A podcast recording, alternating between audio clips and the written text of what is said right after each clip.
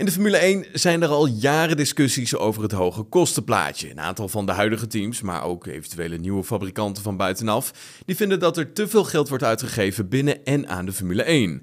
Zo stonden de teams tot eind 2020 vrij om naar eigen goeddunken geld uit te geven. De grote formaties die konden zich hierdoor als ware een weg naar voren kopen en dat leidde natuurlijk tot scheve verhoudingen. We nemen het seizoen van 2020 als voorbeeld. Ferrari had dat jaar naar verluid een budget van 450 miljoen euro, Mercedes 440 en Red Bull Racing zou 400 miljoen euro op de rekening hebben staan. Nou, als je dit vergelijkt met Alfa Romeo, die een kleine 140 miljoen euro hebben, Haas 120 en Williams 110, ja, is het bij lange na dus niet echt een eerlijk speelveld. Afgelopen jaar werd er daarom een budgetplafond van 145 miljoen dollar ingevoerd. Dit jaar wordt dat verlaagd naar 140 miljoen en vanaf 2023 mogen de teams slechts 135 miljoen uitgeven. Ja, als je kijkt naar 2020 blijft het budget dus alsnog hoger dan wat sommige teams überhaupt kunnen uitgeven. Maar het verschil met de topteams wordt aanzienlijk kleiner. Dit drie-stappenplan is bedacht om de grotere teams ja, wat tijd te geven om zich aan te kunnen passen naar het plafond.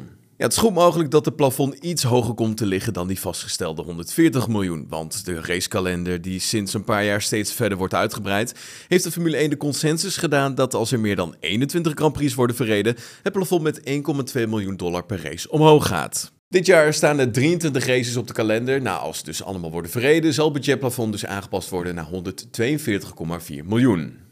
Dan zijn er nog de sprintraceweekenden. Ook hier is er achter de schermen flink over gediscussieerd, want de Formule 1 wilde in eerste instantie zes sprintraceweekenden organiseren. Niet alle teams die waren het hiermee eens, omdat de kans op extra kosten zou vergroten. Er zouden namelijk zes extra ja, races aan de kalender worden toegevoegd, wat meer slijtage van onderdelen betekent, maar ook grotere kans op crashes. Over met welk bedrag het plafond omhoog moest gaan om dit te compenseren, werden de teams het onderling echter niet eens. En met name een aantal topteams die zouden toch wel een flinke verhoging willen, wat er weer erg slecht viel bij McLaren-CEO Zack Brown. In januari schreef hij het volgende in zijn column. Deze teams blijven een buitensporige verhoging van het budgetplafond eisen, ondanks het duidelijke bewijs dat er vorig jaar tijdens deze races weinig schade is opgelopen. Het is een nauwelijks verhulde poging om te voorkomen dat ze hun voordeel kwijtraken.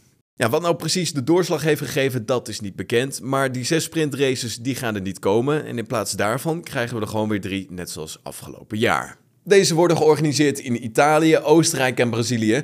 Ja, er komt geen verhoging van het budgetplafond bij kijken. Dit blijft gewoon op die 140 miljoen dollar, dus of maximaal die 142,4 miljoen dollar, als alle races dus worden verreden. Onder het budgetplafond valt in principe alles wat ten goede komt aan de ontwikkeling van de wagen. Nou, denk hierbij aan salaris van de ingenieurs tot het ontwikkelen van nieuwe onderdelen, maar ook trouwens het rijden en organiseren van de testdagen.